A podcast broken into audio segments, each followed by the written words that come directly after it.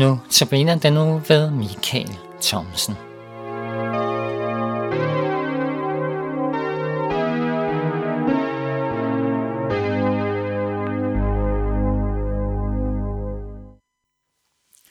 Velkommen til Notabene. I dag der skal vi altså læse en lidt længere bibeltekst. Det er fra Matteus evangelie kapitel 11, hvor Jesus han siger, Hvad skal jeg sammenligne denne slægt med? Den ligner børn, der sidder på torvet og råber til de andre. Vi spillede på fløjte for jer, og I dansede ikke. Vi sang klagesangen, og I sørgede ikke. For Johannes kom, han hverken spiste eller drak, og folk siger, han er besat. Og menneskesønnen kom, han både spiser og drikker, og folk siger, se den froser og dranker, ven med toller og syndere. Dog visdommen har fået ret ved sine gerninger. Der begyndte Jesus at revse de byer, hvor de fleste af hans mægtige gerninger var sket, fordi de ikke havde omvendt sig. Ved dig Korazin, ved dig Bethsaida, for hvis de mægtige gerninger, der er sket i jer, var sket i Tyros og Sidon, havde de for længst omvendt sig i sikker aske. Derfor siger jeg jer, det skal gå Tyros og Sidon tåleligere på dommens dag end jer. Og du, Kapernaum, skal du ophøjes til himlen. I dødsredet skal du styrtes ned. For hvis de mægtige gerninger, der er sket i dig, var sket i Sodoma, havde den stået den dag i dag. Derfor siger jeg jer, det skal gå Sodomas land tåleligere på dommens dag end dig.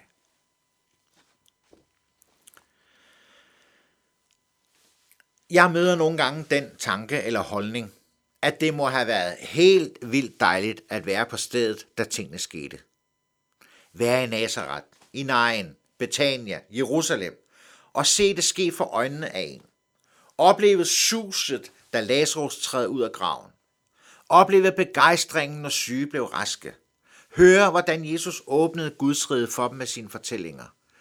Fortalt med en inderlighed og en kærlighed til både sin far og sine tilhører. Fortalt med det mål, at de skulle høre, se og tro til evig salighed. Det må have været fantastisk at være der på første parket. I stedet for, at vi nu bare kan, få, kan læse om det. Og vores oplevelse og vores forståelse af og betydningen af det læste, ja, den er jo et eller andet sted i høj grad afhængig af mange mellemregninger og forklaringer. Når vi sådan læser, og måske tænker os tilbage til, kunne vi bare have været der hvor må det have været fantastisk. Når vi læser om Jesu gerning og gang blandt Guds folket, så kan man godt få den opfattelse, at bortset fra størstedelen af den religiøse elite, altså alle dem, der ved, at de har forstået det rigtigt, og alle andre er forkert på den, præster og andet helligt godt folk, bortset lige fra dem, så havde Jesus jo folket med sig – det var jo faktisk kun fordi han selv ville det anderledes, for han kunne have rejst en folkelig opstand mod lovtyraniet, mod det religiøse hyggeleri. Han kunne have sat sig på magtens stol. Han kunne være trådt ind i det allerhelligste. Mennesker fulgte ham i store skare. Tusindvis mættedes, helbredes og blev frelst ved troen på ham som Guds søn, Messias Kristus. Og de hyldede ham. Og det er jo rigtigt, at mange mennesker flokkede sig om ham og inderkredsen i den flok. Ja, den spredtes som duk for solen i den nat, hvor han måske mist havde brug for dem. Og de eneste, der flokkedes om hans kors, det var dem, der hånede ham og hævdede og luftede deres religiøse selvophøjelse. Ha, vi havde ret. Han var bare varm luft. Froser og dranker og ven med toller og syndere. Nej, der var nemlig ikke så mange i flokken når det kom til stykket. Og det siger Jesus selv. Hvad enten han talte dunder, eller han kildrede deres øregange. Hvad enten han tog del i deres elendighed, eller hvad han nu gjorde, så var det for det store flertal totalt ligegyldigt. Det gik ind af det ene øre og ud af det andet. Og så snart øjnene så noget andet, ja, så havde de totalt glemt, hvad de havde set hos Jesus. Og det var altså Guds folket, der reagerede sådan.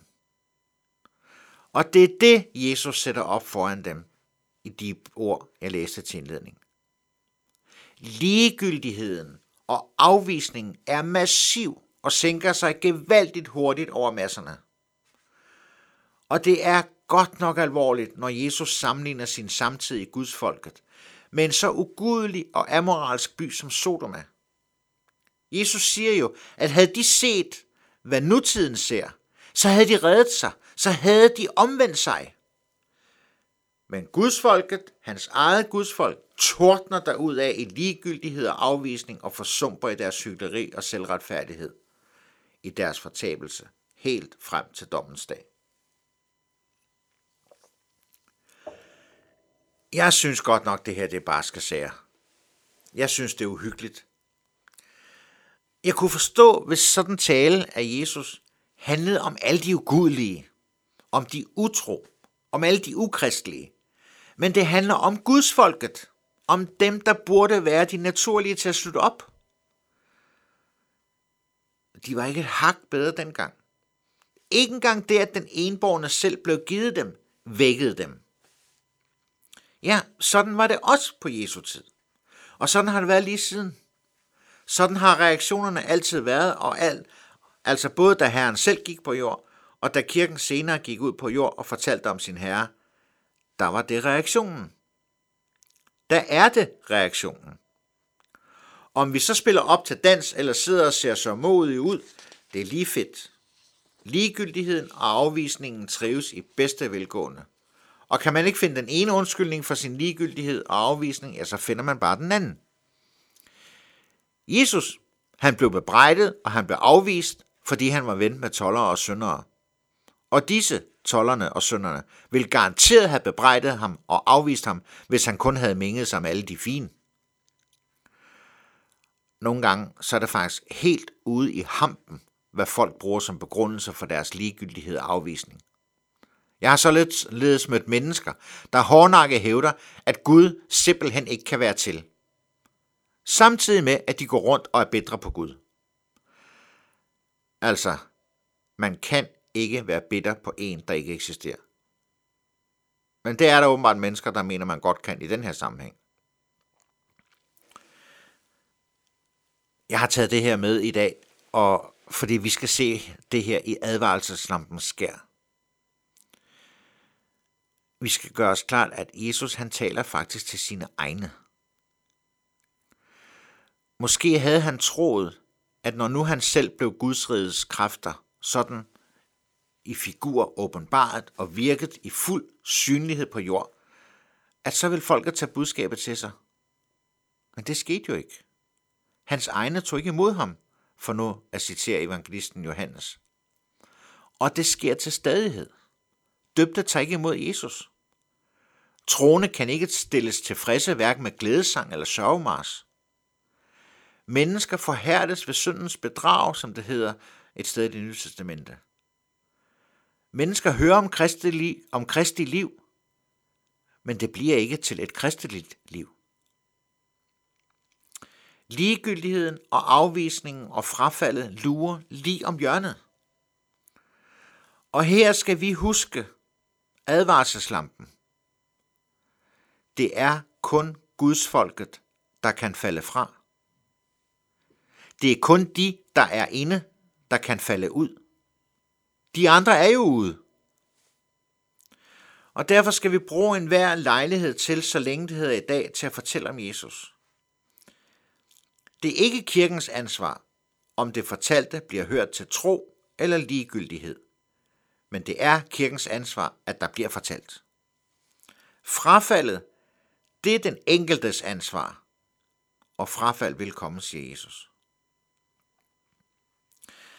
Jeg medgiver, at det her er ikke særlig opmuntrende, og det kan være svært at finde opmuntrende tanker øh, og ord i sådanne Jesus ord. Øh, sådan har jeg det i hvert fald. Og alligevel så må jeg klamre mig til ordene. Klamre mig ud for frygten. Og i håbet om, at Jesu ord ikke bliver nutidige om os, om mig. Jeg vil nødt se vores navne nævnt i den række, Jesus har øh, af de navn, han nævner. Men sådanne ord af Jesus hører altså også med i evangeliet om ham, i det glædelige budskab. og det lyder, og det skal lyde, uanset om vi hører det i glæde eller ligegyldighed, om det bliver til afvisning eller omvendelse. For uanset hvad, så er Jesus vores frelser, og Gud Herren er en levende Gud. Og han har intet større ønske, end at han ved Helligåndens fylde og virke, må få lov at fastholde os hos sig ved tro, håb og kærlighed. Så vi ser, at vi er ikke prisgivet ligegyldighedens, afvisningens og frafaldets tid. For vi er kaldet til at leve i nådens tid og besinde os, mens det endnu er i dag. Lov og tak og evig ære være dig, vor Gud, Fader, Søn og Helligånd. Du som var, er og bliver en sand træen i Gud. Højlovet fra første begyndelse nu og i al evighed. Amen.